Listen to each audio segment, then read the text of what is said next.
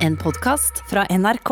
Det var eh, åpenbart at vi eh, måtte ha klima i løpet av de to ukene Glasgow-toppmøtet COP26 eh, foregår, og vi har egentlig bare ventet på en riktig anledning. Og da Norge annonserte at vi skulle doble klimafinansieringen, altså fra 7 til 14 milliarder innen 2025, er det vel, så var det en knagg. Men da vi i tillegg oppdaget at prognosene viser at Norge planlegger å øke produksjonen av olje fram mot det, samme årstallet, 2025, med 50% altså, eller strengt tatt 47% da skjønte vi her har vi, eh, her har vi eh, problemstillingen.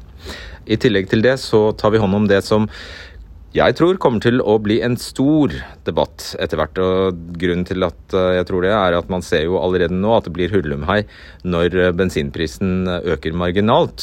Da må de finne masse unntak. Så da kan man bare tenke seg hva som kommer til å skje når kostnaden for de store teknologiprosjektene som Norge har eh, satt i gang nå, og som betales av skattebetalerne, kommer i konkurranse med andre poster på SAS-budsjettet. Denne debatten tror jeg vi kommer til å ha mye i årene framover. Så du får en liten smakebit her, tror jeg vi kan si.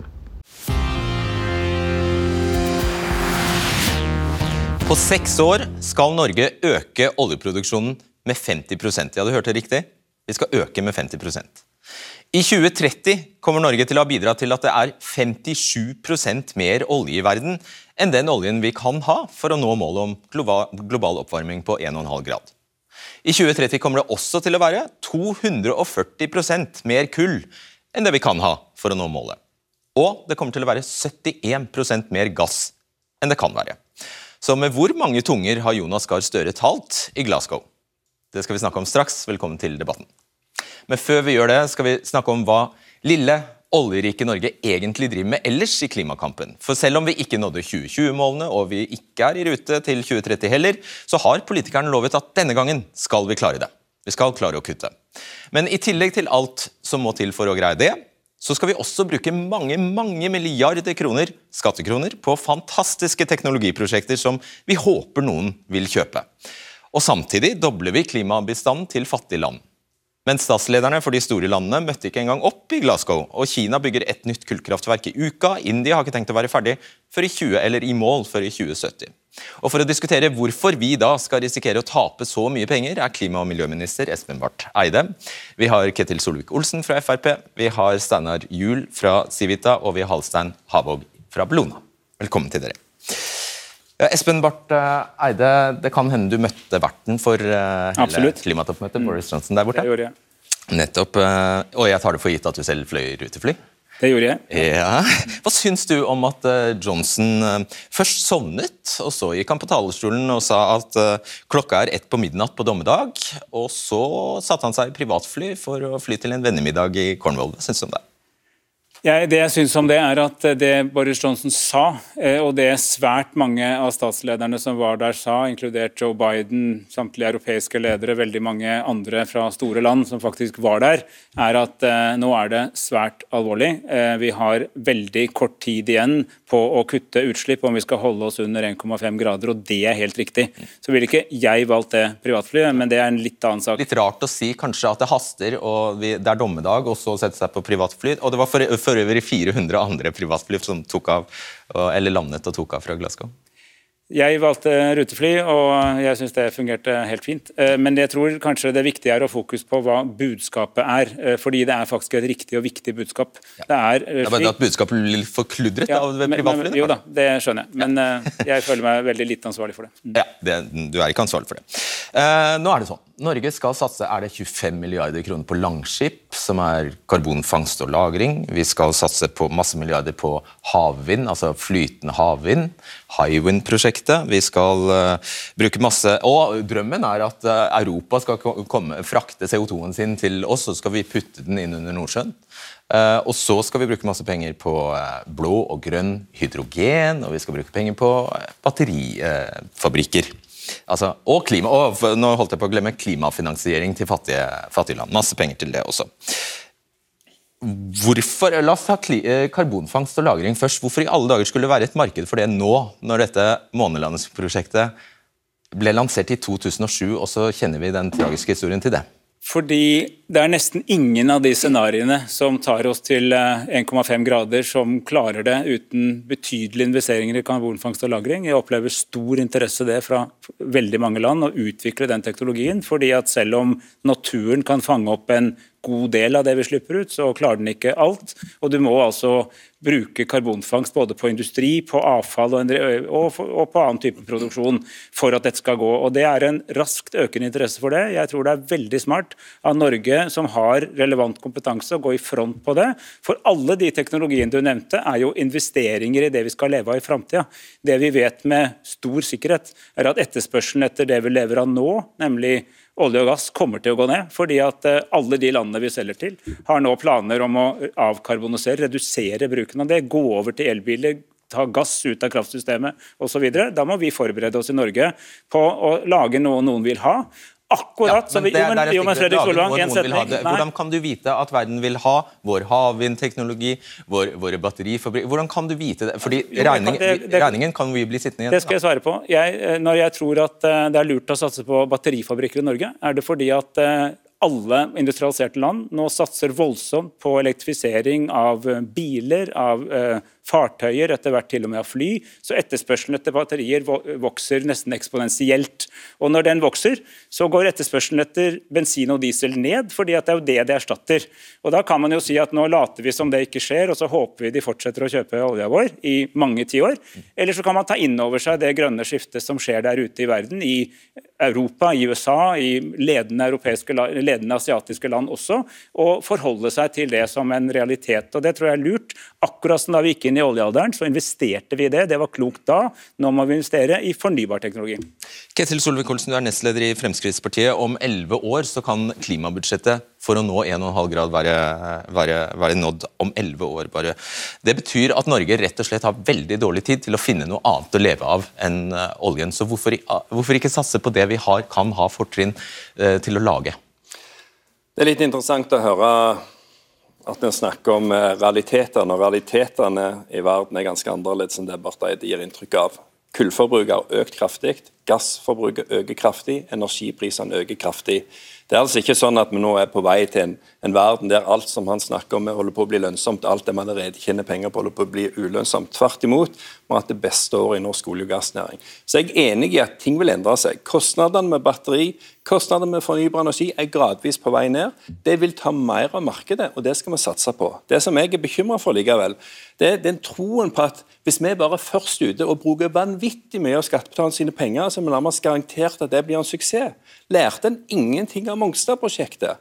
Det gir ingen mening når det krasjer landet og ikke ta lærdom av det. Av Vi vet at Elektrifisering av norsk sokkel det er kun Europa som tar gunst av det. Det er en enorm kostnad ja, for norske skattebetalere. Men vi skal holde oss unna akkurat elektrifisering, for det er jo et virkemiddel for å nå 20, jo, men, i 2030. Ja, men jeg bare sa, Langskip, bare, langskip som ja, du nevnte. Okay, hva syns du er verst av de tiltakene? Nei, altså, Langskip det, det er 15-20 milliarder av skattebetalernes sine penger som går til å subsidiere noe som staten sannsynligvis ikke har mye oppsikt i. Langskip er altså karbonfangst og lagring? Karbonfangst og lagring. Det er et par store kapitalister i Norge som har en, en, en betydelig oppside, men ingen risiko.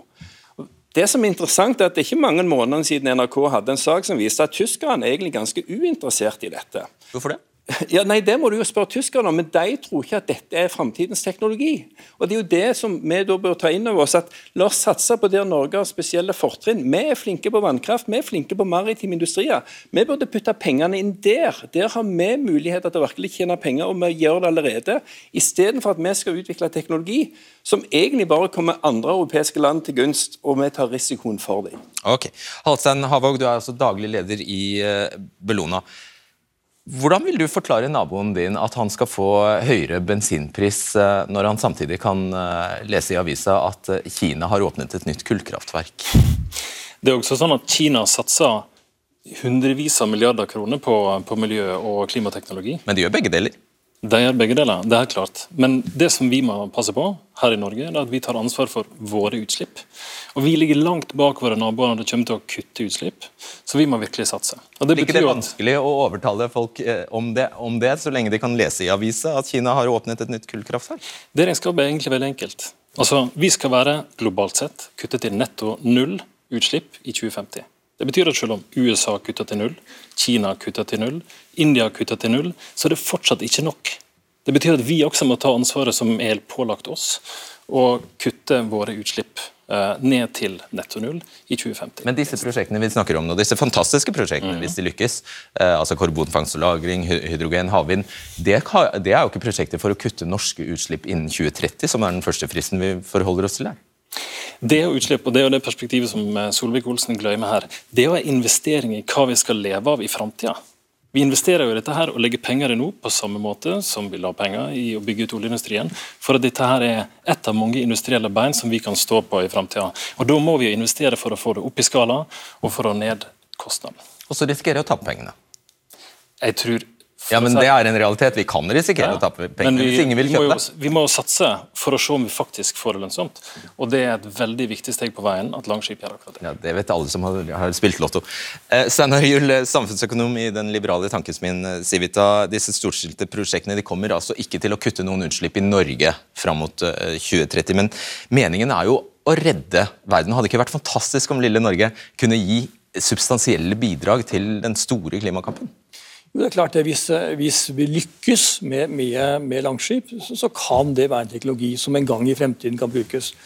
Eh, Jeg er veldig kritisk til det oppsettet de har laget der. For det første fordi de har valgt sementproduksjon.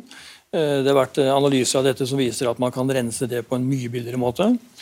Eh, Og det jeg også synes er forunderlig, er at hvis det er slik at eh, verden er suger etter den type teknologi, hvorfor får vi ikke da noen flere med oss på dette? Eh, Og hvorfor er det ikke da Er det ingen som vil være med? Nei, mitt bekjentskap, det jeg ser i hvert fall av våre nærmeste naboer i Tyskland og steder, så er det jo negativt til det. Og vi har ingen, eh, ingen, ingen som har vært med på og, sagt at dette er noe vi vil satse på. For da vil de også kunne betale for det, og da, og da behøvde ikke staten gå inn og subsidiere 70% av hva det koster. Sitter de bare og venter på Norge, da? Nei, dette mener jeg er direkte galt. Altså, eh, Norcem, som ble nevnt, da vi har sementproduksjon, eies av tyske Heidelberg Sement. De har vist stor interesse for å ta dette og skalere det opp også på annen sementproduksjon. Hvis de lykkes med det, så vil deres sement være konkurransedyktig i markedet. Fordi markedene i Europa kommer til å etterspørre lavutslipp i produksjonen. Og når norsk prosessindustri får ned utslippene i sin eh, prosess, så vil det også være konkurransedyktig. Hvis vi nå skal klamre oss til en fossilalder som andre forlater, så går det oss galt. Så Det er faktisk utrolig lite smart. og Dessuten er det galt også å si at de ikke kutter utslipp i Norge. For Norcem er jo tiltenkt er å være i Norge, og det kutter. Og Klemetsrud er også i Norge, og det vil kutte utslipp. Altså, avfallsanlegg. Nei, det står jo ikke ferdig for det ikke er bygd ennå. Det er jo ofte sånn. Du må jo bygge det først, og så er det ferdig Du kan ikke kutte utslipp når det ikke er ferdig. Du, ve- ve- Halland, fordi her er det så mye du, Nå har vi allerede egentlig introdusert eh, neste kvinne. Du kan, kan, kan komme, komme inn her, eh, Jannicke Gerner Bjerkås. For det er sånn at eh, lang, dette Langskip-prosjektet som vi snakker om, det handler altså om å fange, transportere og så putte CO2-en inn under havet. Eh, og eh, CO2 det oppstår f.eks., som det er nevnt her, når man lager sement. Da er ideen å fange og lagre det, men også når vi brenner søpla vår. Eller dere kaller det eh, energigjenvinning. og der er du sjef altså på Klemetsrud. Eh, de er direktør for karbonfangst og lagring, lagring i Fortum Oslo Varme. Ikke sant? Det stemmer. Så kan ikke du forklare oss, hva er det? Dette er et, eh, altså et eh, avfallsforbrenningsanlegg. Hva er det dere gjør der? Hva er planen? Det- På det avfallsforbrenningsanlegget så forbrenner vi restavfall som ikke lar seg gjenvinne, men som allikevel må behandles på beste mulige måte. Så det vi ønsker å gjøre nå, det er eh, å legge til et trinn i denne renseprosessen. For denne røyken fra avfallsforbrenningen renses veldig grundig. Men I dag består den av CO2. I dag består den av eh, CO2, for det er faktisk det eneste vi ikke renser for i dag. For det er bare en global, bare en global virkning, og ikke en lokal. Så det ønsker vi å gjøre noe med, og også ta ned klimautslippene fra denne prosessen. Og da må vi rense ut CO2-en fra røykassen, og så skal vi sende den til permanent lagring under havbunnen, nede i en sånn porøs stein eh, langt under havbunnen. Ja, hvor Karbonfangst og lenge, hvor lenge da? For alltid. For alltid? Ja. Der blir den Får bare håpe det ikke eksploderer, da. CO2 eksploderer ikke, det, så det føler vi oss veldig trygge på. okay. uh, uh, unnskyld uvitenheten her, men uh, hva, hva, hva betyr det å fange CO2? Det er egentlig en kjemisk prosess hvor vi bruker en væskeløsning som er laget sånn at den skal reagere veldig raskt og veldig lett med CO2-molekylene. Så da trekker den til seg CO2 fra røykgassen, og så tar vi denne væskeløsningen så varmer vi den opp igjen, og da slipper den CO2-en. Så da går, eh, da går, reaksjonen motsatt. Ok, det, altså, Hvor langt har dere kommet, egentlig? Det høres helt science fiction ut. Det er ikke science fiction. Eh, det er en eh, ferdig utviklet teknologi, men det er tidlig i utviklingsløpet. Hvorfor derfor, har det tatt så lang tid? Det har tatt lang tid fordi, av mange grunner. En av grunnene er at denne teknologien har vært veldig sterkt knyttet til olje og gass, altså fossile brensler. Og, og en tanke om å, om å redusere utslippene fra fossilsektoren. Det som er nytt nå, og som gjør at det er en helt annen eh, oppmerksomhet og en helt annen eh, tro da, på karbonfangst og -lagring nå, det er at vi fokuserer på industrielle utslipp.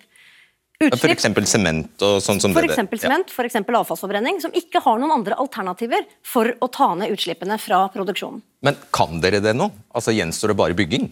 Egentlig gjør det det. Vi har demonstrert teknologien, vi har testet den med pilotanlegg. Eh, og vi har ferdig utviklet prosjektene våre. Den eneste lille brikken som står igjen nå, det er å få på plass den siste finansieringen. Ja, fordi det er pengene. Det er pengene. Ja. Og fordi fått... dette er dyrt, er det derfor det nå tar tid? Ja, det er, altså det er jo snakk om mye penger. Men eh, hvis du sammenligner med andre klimatiltak, så er ikke karbonfangst og -lagring et veldig dyrt klimatiltak. Det er konkurransedyktig, det er veldig effektivt, og vi vet hvordan vi skal gjøre det. Ta plass i panelet her. Eh, men da er vel kjensgjerningen den at eh, det er tross alt dyrere enn å la være? Eh, er det ikke det som er greia her? Det kommer jo egentlig an på hva prisen på utslipp er. og Nå stiger jo karbonprisen i EU ganske kraftig. Den EUs karbonpris som vi er en del av, går ganske kraftig opp. og Så har EU-kommisjonen foreslått at man skal stramme inn på kvotene, så da blir de også dyrere. Og På et tidspunkt så er det sånn at det er faktisk billigere å fange og lagre karbonet enn å slippe det ut, for det må du betale for. Vi er ikke der nå, det vet jeg, men så er det sånn at ny teknologi det som er med teknologi da, Først er det dyrt, og så når du utvikler den og det blir mange enheter, så går prisen ned. Det skjer hver eneste gang. Bare spør Henry Ford. Den første A-Forden var veldig dyr, men etterpå ble det kjempebillig. Derfor kjøpte alle den bilen. Og Sånn er det også med denne teknologien skjønner, her. Du aner, sånn med... du aner ikke om det blir en suksess? Vi vet at, at, karbonfangst virker. Det, vi har prøvd det i mange, i mange år. Men om ja, altså jeg tror at etter å ha vært på så sent som nå på klimatoppmøtet i Glasgow, skal tilbake i morgen, det er veldig mange som snakker om det. For det er vanskelig å komme unna hvis du faktisk skal lykkes med de målene verden setter seg, med USA og EU og sånn i spiss. Og hvis det er rett, så blir vi jo rike. Ja, Det hadde ikke vært fantastisk hvis politikerne kunne vedta hva som skulle bli suksess.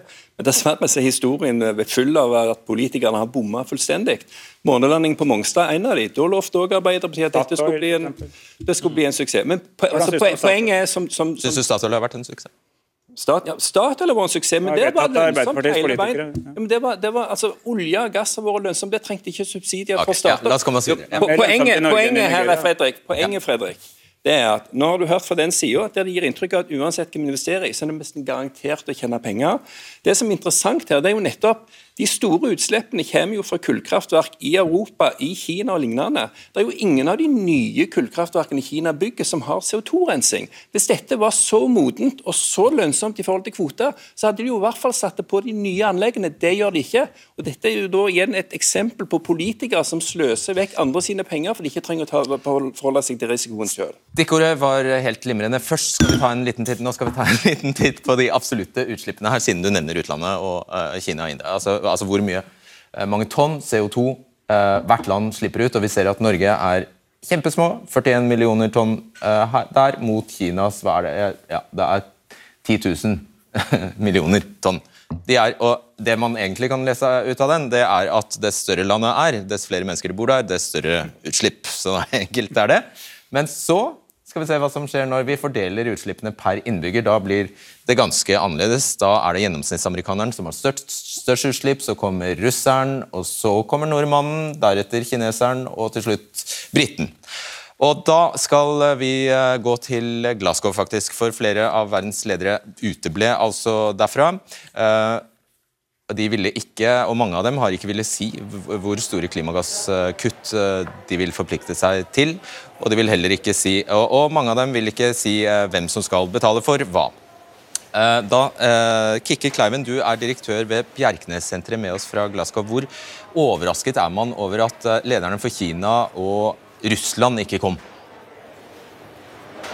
Det var jo ingen overraskelse. Det var jo meldt allerede i oktober så meldte jo Russland at Putin ikke kom til å komme. Og Ryktene begynte jo da allerede å gå om at eh, president Jinping ikke kom til å komme. Noe som ble en realitet. Han kom ikke til Glasgow. Men begge disse landene er jo representert med store delegasjoner som nå er i samtaler, dialoger og skal forhandle. Og det er klart at Den forhandlingen den skjer jo i tett kobling med landets toppledelse, selv om de sitter hjemme. Og eh, Presidenten i Kina har jo selv ikke vært ute og reist på 21 måneder. Han har bekjempet en pandemi på hjemmebane og har enda utfordringer der. Men Putin har iallfall dukket opp viralt. Han var med på skogforhandlingsmøtet som eh, gikk ut på å sørge for at skog ble en klimaløsning, og har vært med på å signere på den avtalen. Det blir vel sett på som et signal at de uteblir, regner jeg med. Altså, eh, for å ta Kina, da. De står for 30% av verdens utslipp. Blir regnet som det landet med størst utslipp. Hvor viktig er det for verden at Kina i det hele tatt forplikter seg til noe som helst? Kina er kjempeviktig eh, og er en stor og viktig del av klimaforhandlingene her. Og Det at eh, president Jinping eh, nå signerte en avtale der han ikke inngikk nye forpliktelser, gjør jo meg som klimaforsker litt bekymret for at vi ikke skal klare å nå 1,5-gradersmålet. Det er viktig at Kina er med på det samarbeidet for å komme frem til felles klimaløsninger og ikke ha en alenegang. Men samtidig så må vi jo ikke være helt bekymret. Beijing er klar over at vi har en klimakrise, men de må levere mer. Men jeg tror det er all grunn til at de kommer til å gjøre det. Det er få land i verden som er mer utsatt for alvorlige klimaendringer enn det Kina er. Men samtidig, det gir et signal når deres leder ikke kommer her til Beijing og adresserer verdenssamfunnet og sier det at vi skal levere, vi forplikter oss. Og hvis jeg har forstått rett, Det Kina har sagt, er at de planlegger ikke å eh, stagge veksten før i 2030. Da skal vi begynne å tenke på det. Og så skal de eh, være klimanøytrale i 2060. Og India, da, som er det andre store, virkelig digre utslippslandet, eh, de har som mål å nå det man kaller netto nullutslipp i 2070. Det er 20 år etter USA og, og, og EU. 10 år etter Kina. Hva viser det? Det, altså, her har jo India blitt applaudert. Eh, de har jo virkelig tatt eh, steget opp som eh, der Kina manglet. Der leverte Indias president. Og De har fått applaus for det de leverer, nemlig som du sier, det å gå klimanøytral i 2070. Men også det å levere på at innen 2030 så skal halvparten av energiforbruket i India være det som vi kaller grønn energi. Og hvis vi ser på Dette dette har sittet langt inne. Det har tatt lang tid for Kina å komme opp med året 2070. Eh, og Når de leverte på det, så har dette blitt tatt veldig godt imot. Og Mest sannsynlig så viser det jo det at India sliter med å nå klimamålene sine. Og at 2070 er på en måte blitt deres veikart på veien til å bli klimanøytral. Og Det viser jo også det at det er kjempeviktig å komme på banen med klimafond som hjelper utviklingsland, enorme utviklingsland som India til å få finansiering og få teknologi, slik at deres grønne skifte kan gå enda hurtigere. Men nå har de satt seg et mål på 2070. Det er jo nytt, og det er det faktisk grunn til å applaudere. Selv om de kommer til å ta litt lengre tid enn det som EU da Norge og, og, USA har satt seg som mål og forpliktelser. Tusen takk for at du var med oss, Kikki Kleiven fra Glasgow. Det er jo ikke gitt at eh, det kommer til å være stor folkelig jubel i de vestlige landene over at det skal gå milliarder av skattekroner herfra til et land som India, som altså ikke planlegger å være klimanøytral før i 2070. Jeg tror faktisk folk flest forstår at vi er nødt til å dele byrdene her, og eh, også dele på det og på en måte investere i disse løsningene. her. Men jeg tror det viktigste også å få fram her er at alle land har lagt en bane for hvordan de skal nå det. Det som er vår rolle, er iallfall å levere på de forpliktelsene som Norge har gjort. Uh, ja. Det er jo det som blir vanskelig, å få oppslutning om de norske klimamålene når man ser at så store land ikke gjør, ikke gjør tilsvarende. Tror du ikke det? Det eksempelet her betyr ikke at vi ikke når FNs klimamål. Nei, ok, Jul. Altså, det, det, er klart det, det, hadde vært fordel om, eh, om Kina også hadde, hadde, levert tidligere, og også at Russland hadde vært mer aktiv. Men jeg synes altså, vi, vi må jo passe på det som vi har ansvar for, nemlig det som er utslippene i Norge. Eh, og jeg syns også man bør primært ha fokus på de neste ni årene. For vi skal nå en uh, minepæl i 2030 som vi ikke ligger an til å gjøre. Og da forstår jeg det sånn at du mener vi bør konsentrere oss om det og legge vekk Langskip og Hywind og disse? Langskip og vindmøller er for meg er næringspolitiske tiltak. Eh, Og, vi har ikke noe spesielle fortrinn i å bygge vindmøller for eksempel, på norsk sokkel. Eh, Vi har en, en ren energi, og det vil, ikke, det vil heller ikke bidra til noen utslippsreduksjon i Norge. Men vi må ta tak i det som er det nære først. først. For når vi ikke, når vi ikke eh, målet i 2030, så blir det enda verre etterpå. Det er næringspolitikk. Det er jo helt naturlig at klimapolitikk og næringspolitikk skal gå hånd i hånd. Når vi skal prøve å løse noen av de store, store løsningene her. Det kutter utslipp, det er det første. Og så er det ikke riktig som Steinar Juel her sier, at resten av Europa ikke er interessert i CCS. Vi i Bruna har jobba med dette spørsmålet i EU en årrekke, og vi ser jo at Nederland, Sverige, Danmark, Storbritannia og Norge det er stor interesse for det. Langskip er allerede overtegna. Det finnes flere som har lyst til å lagre CO2 i det lageret der, enn det det er plass til. hvorfor er det ikke flere som bidrar i utviklingen av det? Altså, det, det syretesten for meg som økonom er at hvis det er stor interesse, så burde det være etterspørsel, at noen er interessert i å være med på det. Men det har det ikke vært mulig. Det som er Poenget her er at noen måtte bygge det første lageret. Det har vi gjort. Jo, men vi de, Og da dele, dele risikoen med, med å bygge det. Altså, vi, norske stat går inn med 70 Vi skal jo bygge en ti sånne lager til. Da må vi jo kanskje be folk om å bidra til Ja, det. det, er- det er jo ikke rart at folk kommer når den norske stat finansierer. Da hadde jeg også stjålet meg. Altså, Jeg stiller meg òg i kø for gratis penger. Det er jo det som er utfordringen på- i argumentasjonen deres. Så er det òg det, det som Barth Eide sier er en stor suksess i Europa med satsing på grønn energi. Vel, for, bare en måned siden så har vi altså hatt to runder her med å diskutere konsekvensene av det, nemlig eksplosive eh, energipriser, enorme strømpriser, som så igjen rammer oss.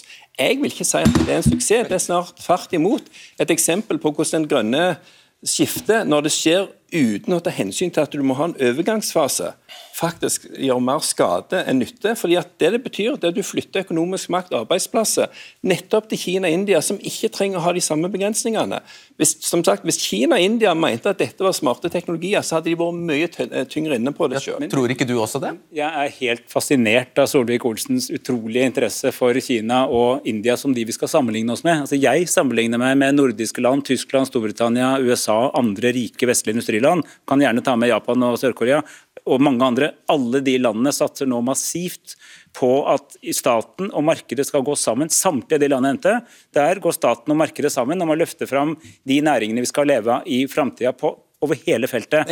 Det er det naturlige sammenligningsgrunnlaget. Det er mange områder hvor ikke jeg ville sammenlignet meg først og fremst med Russland, Kina og Men India. grunnen til at vi skal sammenligne oss med Kina og India, det er at det er der, der arbeidsplassene våre flyttes. Nei, det tror jeg du faktisk- kan ikke la være å forholde deg til den delen av virkeligheten òg. Ja, Så jeg er for et grønt skifte. Nå- Jeg er for å satse på teknologiutvikling, men måten dere gjør det på, er å satse der det var størst risiko. Der altså skattene sine penger. Vårt viktigste marked, EU, er nå blitt veldig opptatt av at man ikke skal være så avhengig av Kina som man nå har vært, og setter i gang en rekke tiltak for at man skal ha mer europeisk produksjon, f.eks. batterier. Der kan vi passe inn veldig godt, fordi det har å gjøre med Enig. strategisk Og se på energiprisene i Europa som en konsekvens av den klimapolitikken du hyller. Ja. Jeg har lyst til å kommentere det eh, Kjetil Solvik-Olsen sier om at folk stiller seg i kø for å, for å få gratis lagring. For det er jo ikke det det er snakk om. Eh, Det er snakk om at det skal komme kunder til Langskip og til Northern Lights, som er eh, lagringsaktørene, og som skal betale for å lagre sin CO2. Det er jo en del av næringsutviklingen for den norske stat. Og er det noen som, eh, som har et fortrinn her, så er det jo Norge. Som har uante lagringsmuligheter under havbunnen i Nordsjøen, og som har kompetansen fra oljesektoren. Så at Norge definitivt har et fortrinn, og noen må gå foran. Og Dette er en gyllen mulighet for Norge til å gå foran og utvikle karbonfangst og lagring som en næring. Det hørte vi på Mongstad-prosjektet Vil de betale full pris? Det det koster, vil de betale pris som er subsidiert av Norge? Det eh, er jo en dialog som pågår nå. Og jo flere kunder som kommer, jo bedre vil jo konkurransesituasjonen være. Ja, betale, betale full pris. Jeg. Men, men jeg, tror, jeg, jeg mener at når, når sånne store teknologiske skifter skjer, så er det, skjer ikke alltid det i markedet. Historisk har det ofte vært sånn at du må ha noen sånne sprang hvor staten og markedet må virke sammen. og Det er det mange gode historiske eksempler på. Når så den nye teknologien er på plass, så kan markedet allokere på en mye bedre måte. Jo, Det tror i hvert fall jeg er viktig for oss nå. Det vi kritiserer her, det er jo at dere velger noen teknologier og stapper titalls milliarder kroner inn, istedenfor at vi f.eks. lot vannkraftindustrien, maritim næring, få lov til å være med og konkurrere om de samme samme pengene. For jeg er sikker på at vi hadde fått mye mer nytte og mye mer norsk verdiskaping om du lot næringslivet være med å velge vinneren istedenfor en liten politisk gruppe. Ok, ja, Havo, Kan det komme til, fordi vi, vi vet jo det er en kjensgjerning at budsjettene kommer til å bli strammere med, med tiden. og nå, se, nå uh, har vi skjønt at dette kommer til å koste. Klimatiltak koster. Også det å, å drive med klimafinansiering til fattige land. Kan det komme dit at vi på et tidspunkt ikke har råd til alt, og at vi må prioritere f.eks. mellom kostbare eh, klima, eh, klimatiltak og velferd, f.eks. pensjoner? Dette her er jo som vi snakker om eh, et komplekst bilde, men poenget her er jo at vi, vi trenger ikke å velge. De tingene vi har snakket Fordi om det er ubegrenset med penger? På hvert statsbudsjett er det jo ikke det. Penger, men alle også økonomer vet at hvis du investerer i noe som du får igjen i framtida, så er det en god investering. Ja, men Hvis du ikke vet om du får det igjen, er poenget. Hvis du får det igjen, ja. Hvis du får det igjen. Vi er- investerer jo i framtida. Okay, La han, eh, la han bare fullføre. Vi investerer jo igjen. Vi må, vi må gjøre noen veddemål, men de tingene vi snakker om i dag, CO2-fangst og -lagring, det er stor og bred enighet om at det er helt nødvendig. Vi snakker om havvind for å bringe prisen ned, vi snakker om hydrogen. Dette er ting som det er etterspørsel, og voksende etterspørsel etter i dag.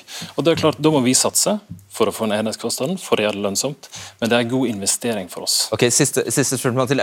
Du skal få et spørsmål, fordi NHO, Ho- NHO nå skal du høre, har gått gjennom det de mener er de, mest, eh, de, de områdene med mest altså havvind og, og batterier og, så, og sånt noe, og maritim næring. Det de mener det er mest potensial i. Og Det de konkluderer med, er at på alle de områdene så ligger andre konkurrerende europeiske land foran Norge. Så de ber om at, at her må staten steppe opp for at vi i det hele tatt skal greie det. Da har man jo egentlig ikke noe valg når man allerede har begynt. Ja, jeg er helt enig i at vi skal være med å stimulere næringslivet. og Fremskrittspartiet i regjering var med og bidro til satsing på alle disse områdene. Men det som jeg argumenterer mot, er altså ikke at vi skal prøve å utvikle grønne teknologier. Men det er den plukkingen av noen få greier der du altså skal bruke 10-15-20 milliarder kroner på ett CO2-renseanlegg. Du skal bruke nærmest den samme, altså 50 milliarder kroner på å elektrifisere norsk sokkel. Det er helt meningsløst, istedenfor å stimulere bredden. Og når i tillegg eh, Arbeiderpartiet snakker om at du skal opprette nye statlige selskap for å konkurrere mot de eksisterende selskapene som jobber med hydrogen, så gir det ingen mening. Ok, Du får avslutte her. Altså, er, er, er det sikkert at vi skal drive med det alle andre driver med? Det er ikke sikkert vi skal drive med vindmøller. altså Andre ligger foran. det er ikke sikkert vi skal drive med det. Så Vi har jo vi har i utgangspunktet ren elektrisitet i Norge. Eh, Vi har en ulempe med vindmøller. Det er, dypt og det er eh, røft vær. Så vi har en ulempe sammenlignet med andre land. Kanskje ikke vi skal ha det i Norge. Eh, Så liksom det er, det er vi skal ikke, skal ikke, må ikke legge en næringspolitikk hvor vi skal liksom gjøre akkurat som de andre og helst være foran de andre med å gjøre ting som andre gjør. Clouet er jo å gjøre noen andre ting. og Uansett hva som kommer til å være fremtiden, så kommer de fleste sysselsatte i Norge til å jobbe med andre ting enn grønn energi og grønn, grønn, grønn industri. De kommer til å jobbe i servicenæringer, aller fleste. Skal være baristaer og frisører. Frisører og sykepleiere, ikke minst. Ja, nettopp. Ok, du blir stående, Barth Eide. Resten, tusen takk til eh, dere. Uh, Ketil Solvik-Olsen, Steinar Juel og Halstein Havåg. Og så Å, Jannicke Bjerkås. Beklager. Ja, nå, det var ikke meningen å glemme deg.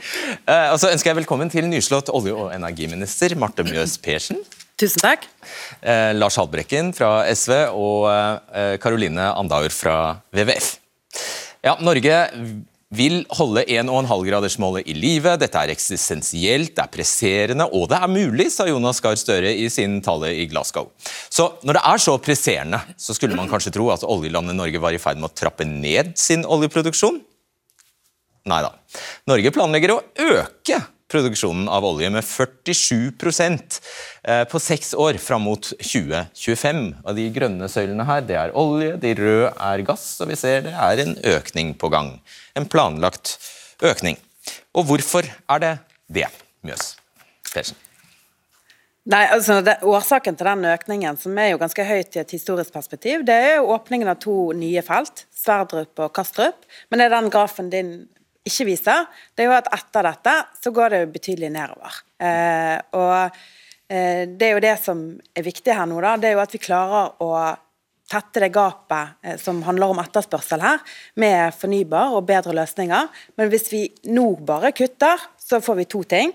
Det ene er veldig høy arbeidsledighet, og det andre er at eh, Europa eh, vil erstatte norsk gass med dobbelt så forurensende og mer utslippsintensiv kullkraftverk, bl.a. Mm. Nå skal jeg bare legge til at vi har, eh, Direktoratet sier de har ikke prognoser som går lenger enn det, enn det der, så da er det en antagelse at Ja, pers- eh, det kommer til å gå ned. Perspe perspektivmeldingen til den forrige regjeringen viser veldig tydelig at eh, etter det så går det betydelig nedover. Og Det eh, er jo rett og slett fordi at eh, da er det ikke store felt igjen å, å, å produsere. Nettopp. Ok, Lars Haltbrekken, det er vel pga. akkurat eh, den eh, grafen her at dere var i Hurdal og trampa ut derfra? Ja, Det var veldig liten vilje til å gjøre noe med det som er den store elefanten i norsk eh, klimapolitikk, nemlig olje- og gassproduksjon. Man ønska å fortsette som før, og det mangler jo ikke på advarsler. FNs generalsekretær sier det, det internasjonale energibyrået sier det, og de fremste klimaforskerne i verden sier det. Hva er det de sier slutt, at de må- Norge- Vi må slutte å lete etter mer kull olje og gass. Vi har allerede funnet for mye. Og Når jeg hører regjeringspartiene eh, snakke om eh, olje og gass, så tenker jeg på Kodak. Kodak var jo selskapet som eh, tviholdt på de gammeldagse filmrullene, og som nekta for at uh, framtida var digitale kameraer. Og hva skjedde med Kodak? Jo, De gikk på trynet, de gikk konkurs. Og nå må vi sørge for at det samme ikke skjer med Norge. Derfor må vi nå begynne å bygge det som vi skal leve av i framtida. ja, eh, og dette, dette har vi for så vidt eh, hørt, eh, hørt tidligere, men hva var det nøyaktig dere brøt på? Hvor- hva var det de sa nei til, siden dere ikke vil mer? Nei, Det som vi ønska, var jo å få skikkelige utslippskutt, sånn at Norge tok klimakrisen på eh, alvor. Vi ville stanse letinga etter ny ø, olje og gass, men det var ingen vilje hos eh, regjeringspartiene. Dere vil ha en dato har, Det vil Nei, vi har ikke en sluttdato, men det som vi har sagt, er at vi skal slutte å lete etter olje og gass. Eh, Og den prognosen vi får Det er jo det samme som å si, si, si at vi, vi må gjøre det innen en viss tid. Da. Hvis ikke så har Det betyr at vi trapper ned eh, olje- og gassproduksjon. Og mens vi gjør det, så skal vi bygge opp de andre næringene. Det som skjer nå, hvis vi leter etter mer olje og gass, det er jo at vi sikrer at den grafen du viste i sted, kommer til å gå fortsatt oppover i 2030. Hvis det er noe mer igjen, da. I 2040 Det vet du jo ikke, og du i vet jo ikke det. 2050. Jo, men dette har vist seg hele tida. Uh, Oljedirektoratet har hele tida presentert prognoser som viser at hvis vi ikke leter mer, så går uh, produksjonen ned. Og så har man leta mer, så har man funnet mer, og så har man produsert mer, og så har Og det er jo hele poenget med leting. Vi skal, vil jo finne. Vi har jo lyst til å finne. Ja, men, og jeg tror ikke på den måten å gjøre det som eh, Lars Haltbrekken her skisserer. Jeg mener at det er mye bedre at vi klarer å fylle gapet på etterspørselssiden istedenfor å strupe tilbudet. For hvis vi struper tilbudet, så skjer det to ting. Eh, det ene er at vi får skyhøy arbeidsledighet i Norge. Det er vi ikke tjent med. Da har ikke vi inntekter til å klare å satse på de store eh, eh, investeringene som akkurat har blitt diskutert her, f.eks. Eh, heller ikke skole, helsearbeidere, alle de viktige velferdstjenestene. Og det andre som skjer, det er jo da at eh, man må ta Altså at det er andre som kommer til å Altså- fylle det andre, altså det er andre land som kommer til å fylle det etterspørselsgapet, Ja, men- men som jeg produserer bare- olje og gass. Forstå, Du sier vi må pumpe opp olje for å få råd til Langskip. Nei, jeg sa ikke det at vi må pumpe opp olje for å få, eh, eh, få til Langskip. Men det er jo ingen tvil om at vi har veldig store inntekter eh, på gasseksport, og som gjør at vi har både muligheten, men også, sånn som jeg mener da, forpliktelsen til å erstatte eh, den teknologien med produsere mer ren fornybar energi, med å få til den teknologien på CO2-fangst, frakting av CO2 og lagring, og også hydrogenproduksjon og andre ting som vi skal leve av i fremtiden. Da. Fordi vi skal leve av det grønne skiftet etterpå. Ja. Eh, Karoline Andaur, du er generalsekretær i WWF, eh, Verdens eh, naturfond. Hva er det SV er nødt til å for, ta, ta det for. Hva er det SV, siden de med så brask og bram eh, forlot Hurdal, hva er det de nå må bevise i Stortinget? Fordi det var jo en grunn til at de gikk. Det var en grunn til at det gikk, og det var jo fordi at eh, regjeringen med Hurdalsplattformen har sagt at eh, vi skal ikke avvikle, vi skal utvikle olje- og gassnæringen, istedenfor å si at eh, istedenfor å forlenge, så må vi fornye oss. Og det som en viser med denne grafen du viste i begynnelsen, så snakker en jo ikke om det enorme investeringstempoet vi har i olje- og gassindustri i dag. Og når koronakrisen kom i fjor, så lagde en nye pakker for å redde ulike typer for industrier. Den som stakk av med den største pakken, var olje- og gassindustrien. og Pga. den så kommer det til anslår en at det kommer til å komme 58 søknader, altså nesten 60 søknader om ny olje- og gassleting. Så hvor er det de tar feil? Det handler jo om at vi kan jo ikke ha to jobber samtidig. Og Når vi snakker om det grønne skiftet og alle det vi skal leve av, så må vi snu kapitalen, vi må snu hodene, vi må bruke ressursene i de grønne næringene. for vi det er så enkelt at vi kan ikke ha to jobber samtidig, og akkurat nå så går de til olje- og gassindustrien. Hva, men, nei, men jeg tror de, de fleste vil ha én jobb, i hvert fall. Og Det fine er at de har én jobb nå og én jobb i framtida. Og det som er viktig da er jo at istedenfor å snakke så mye om sluttdato, så må vi snakke mer om startdato for alle de nye næringene. For vi Lars Haltbrekken, vi er jo ikke Kodak. fordi at vi, vi skjønner at for å ta kamerametaforen, vi er i full ferd med å gå fra film til digital. Derfor så vil vi jo nettopp at vi skal satse massivt på alt det vi snakket om i den forrige bolken, alle de nye næringene som bare gir mening fordi verden fører en klimapolitikk. Og så vil vi at for eksempel, Når vi er opptatt av flytende havvind, så er det fordi vi mener at mange av de som jobber i leverandørindustrien, egner seg veldig godt til å produsere flytende havvindplattformer, kabler, hele den teknologien. La oss holde oss til oljen nå. Er, hm? La oss prøve å holde oss til oljen. Nei, det er nettopp Jo, jo, jo men det er jo det jeg snakker om. fordi det er jo nettopp de som, de som, jobber i oljeleverandørindustrien, kommer om 10 og 20 år til å jobbe med f.eks. For havvindplattformer, fordi det egner seg veldig godt. Det er en veldig naturlig overgang. og Derfor er vi mest opptatt av startdato for de nye næringene. Okay, Pro problemet til Barth Eide og eh, regjeringa er jo at man sørger for å fylle opp verftene langs norskekysten med oppdrag for olje- og gasselskapene. Det er ikke plass til den satsinga som vi må ha på havvind, på hydrogen, på batteri osv. Vi bruker kompetansen, vi bruker pengene våre, vi bruker arbeidskrafta vår på å videreføre satsinga på olje og gass. Og det er jo en kjemperisiko for klima, men ikke bare for klima.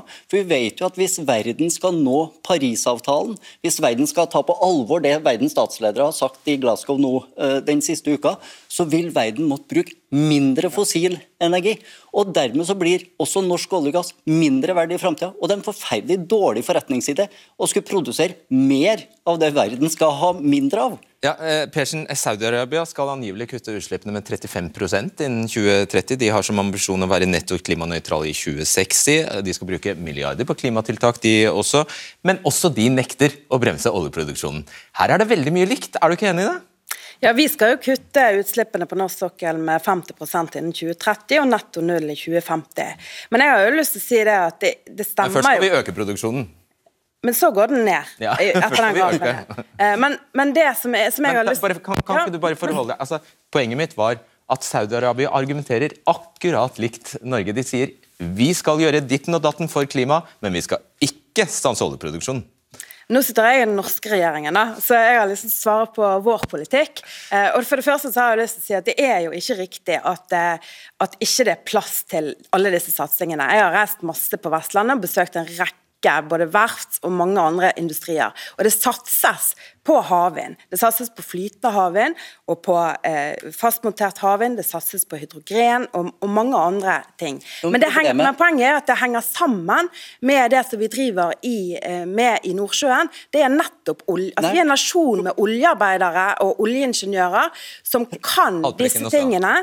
Eh, og som, skal, og som, gjør at vi skal eh, inn i det grønne skiftet. Hvis problemet vi jo problemet, etterspørselen Persen, problemet Persen, er at dere har gjort det superlønnsomt å satse på olje- og gassutbygging. Og Barth Eide, ærlig talt, du må jo være enig i det at det å satse på oljeutbygging langt nord i Barentshavet til en skyhøy kostnad, og det å produsere olje som da verden kommer til å etterspørre mindre av. Det er en dårlig idé for norsk økonomi, og det er en dårlig idé for klimaet. Vi må jo bruke den kompetansen på å utvikle andre næringer i stedet, som vi skal leve av framtida, og som skaper arbeidsplasser. Men jeg tror Lars Haltbrekken vet veldig godt at også de store oljeselskapene selv sier at eh, hvis skal de lete mer nå, så blir det først og fremst i tilknytning til allerede utbygd eksisterende infrastruktur. Det er det som lønner seg nå. Dere satte i gang en oljeskattepakke, dere satte i gang en oljeskattepakke og som gjør det de selskapene vet veldig godt at etterspørselen kommer til å falle. Det ligger i alle prognoser alle prognoser, og man forholder seg til det. Og vi må som land også forberede oss på at det kommer. Men da, jo, da syns jeg jo dere skal høre på de store oljeselskapene som faktisk trekker seg bort fra norsk sokkel fordi det ikke lønner seg. Og det vi ikke snakker om her, er jo de store investeringskostnadene Norge tar for at vi skal lete framover. Vi stimulerer til leteaktivitet. Staten. Staten stimulerer til leteaktivitet ved å ta den største finansielle risikoen ved at vi bistår letingen. Dette er leting som eventuelt skal føre til felt som vi skal begynne begynne å ta på 2030-tallet, som skal være i produksjon, langt forbi 2050. Og Når vi da snakker om hva vi skal investere i, da velger vi å investere, ta den største risikoen. Det er ikke selskapene som tar den største risikoen, det er oss skattebetalere. Det er det vi bruker mesteparten av skattepengene våre på innenfor norsk energipolitikk. Og det er jo helt feil. Men selv om, selv om, det er riktig, som, som det er sagt her, at, at, prognosene viser at det vil bli noe mindre etterspørsel etter fossile brensler, f.eks. i 2030, og videre etter, etter, det, så er jo, vil jo verden være massivt avhengig av fossile ja, brensler du... i mange mange tiår framover. Og da, hva er altern? Hvorfor skulle Norge knipe igjen da, når, når man skjønner at de kan ikke, de, det er ikke realistisk at de kjører elbil i Bangladesh om 20 år? Hvorfor ikke det? Jo. Ja, det, det, hvor, har de penger til ladeinfrastruktur i Bangladesh? tror du? Ja, hvis de kunne, Vi kunne jo satt inn klimafinansiering med å hjelpe de landene inn der. Realistisk snakker Men er, er det realistisk òg å si at vi skal nå Parisavtalens mål og gjennom den grønne omstillingen, hvis alle land skal si jeg vil ikke kutte fordi du ikke kutter. Altså, Vi har lenge prøvd og sagt at vi må ha opp etterspørselen, at det skal løse hele klimakrisen. Det gjør det jo ikke. Vi vet jo at utslippene øker i verden. Da er det på tide å se på produksjonssiden òg. Okay. Altså, det er helt sikkert at det kjører elbil i Bangladesh om 20 år. Alle biler kommer til å være nullutslipp om 20 år, bortsett fra de gamle. da. Fordi at det, det, kommer ikke til å produsere. og Kina ligger jo helt i front i å utvikle da, elektrisk transport, f.eks. biler og busser. Da kommer du til å ha et kjempeproblem, Barthei. Nei, fordi... Jo, fordi at da har du lagt til rette for ikke bare at det skal bygges ut olje og gass nær eksisterende plattformer i dag, men du har vært med, nå må jeg få snakke ferdig. Du har vært med på å legge til rette for at vi skal bygge ut et oljefelt kjempelangt nord i Barentshavet, som Equinor sa ikke var lønnsomt nok før koronapandemien. Og så var du med på å stemme gjennom i Stortinget en oljeskattepakke som sørga for at det feltet ble lønnsomt for Equinor, men som kanskje blir et tapsprosjekt for den norske velferdsstaten. Og som i alle fall kommer til å føre til svære utslipp av klimagasser. De pengene burde vi ha brukt på å utvikle havvind, batterifabrikker, hydrogen. Sikre de arbeidsplassene som er lønnsomme for den norske velferdsstaten i årene framover. Ja, og det skal vi gjøre. Og det er nettopp derfor jeg mener at det er helt avgjørende at vi kommer veldig raskt i gang. F.eks. med å sikre eh, norsk havvindproduksjon. Det har skjedd nesten ingenting de siste ti årene, eh, og nå skal vi virkelig satse på det. Gå i gang med å sikre konsesjoner, eh, rammeverket, regelverket rundt dette, og vi skal også satse offensivt på det. Eh, men vi må også huske på at dette handler ikke bare om penger, det handler også om mennesker. Sant? Det er ekte mennesker som jobber i eh, oljeindustrien og i, og i leverandørindustrien, og de skal eh, ha også noe å leve av etterpå. Og hvis vi bare struper det nå, og arbeidsledigheten skyter i været, så skjer det to ting. Vi mister verdifull kompetanse, vi mister verdifull teknologiutvikling, vi mister tid.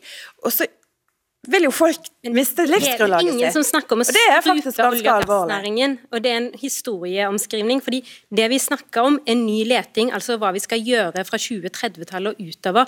Ingen sier at vi skal stenge ned olje- og gassfeltene. Ingen kommer til å miste jobben i morgen. Men vi sier at vi ikke skal ha eh, At vi risikerer å investere, at folk skal jobbe i en olje- og gassnæring vi ikke skal ha. Da vil de jo ikke ha jobber. Så dette er jo risiko for arbeidsplassene. Det er derfor vi må se på dette helhetlig. Ok, det, det, måtte bli siste ord. Tusen takk for uh, seg her i kveld og debatten. Takk for seg. Det er alltid mulig å nå oss på debatten krøllalfa nrk.no. Ha det bra.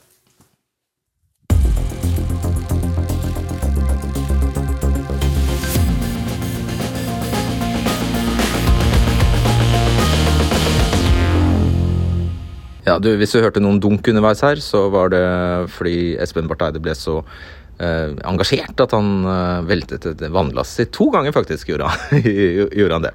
Stakkars, han skal tilbake til Glasgow i morgen. Så uh, vi får bare ønske han lykke til der. Ellers så var det jo en fin debut av Marte Mjøs Persen som ny olje- og energiminister. Og jeg tror også at det for mange var opplysende den innføringen vi fikk i hva eh, karbonfangst og -lagring egentlig er for noe. Dette er jo et begrep som vi har hørt nå i så mange år. CCS kalles på fagspråket, men som jeg ikke er sikker på at de fleste egentlig har satt seg inn i hva det betyr. Så det syns jeg var veldig nyttig. Og så eh, får jeg bare takke så mye for at du hører podkastversjonen av debatten. Og minne deg om at eh, hvis du har synspunkter på den, så er det bare å skrive til e-postadressen debatten.krøllalfa.nrk.no. Vi høres. Ha det bra. Du har hørt en podkast fra NRK. Hør flere podkaster og din NRK-kanal i appen NRK Radio.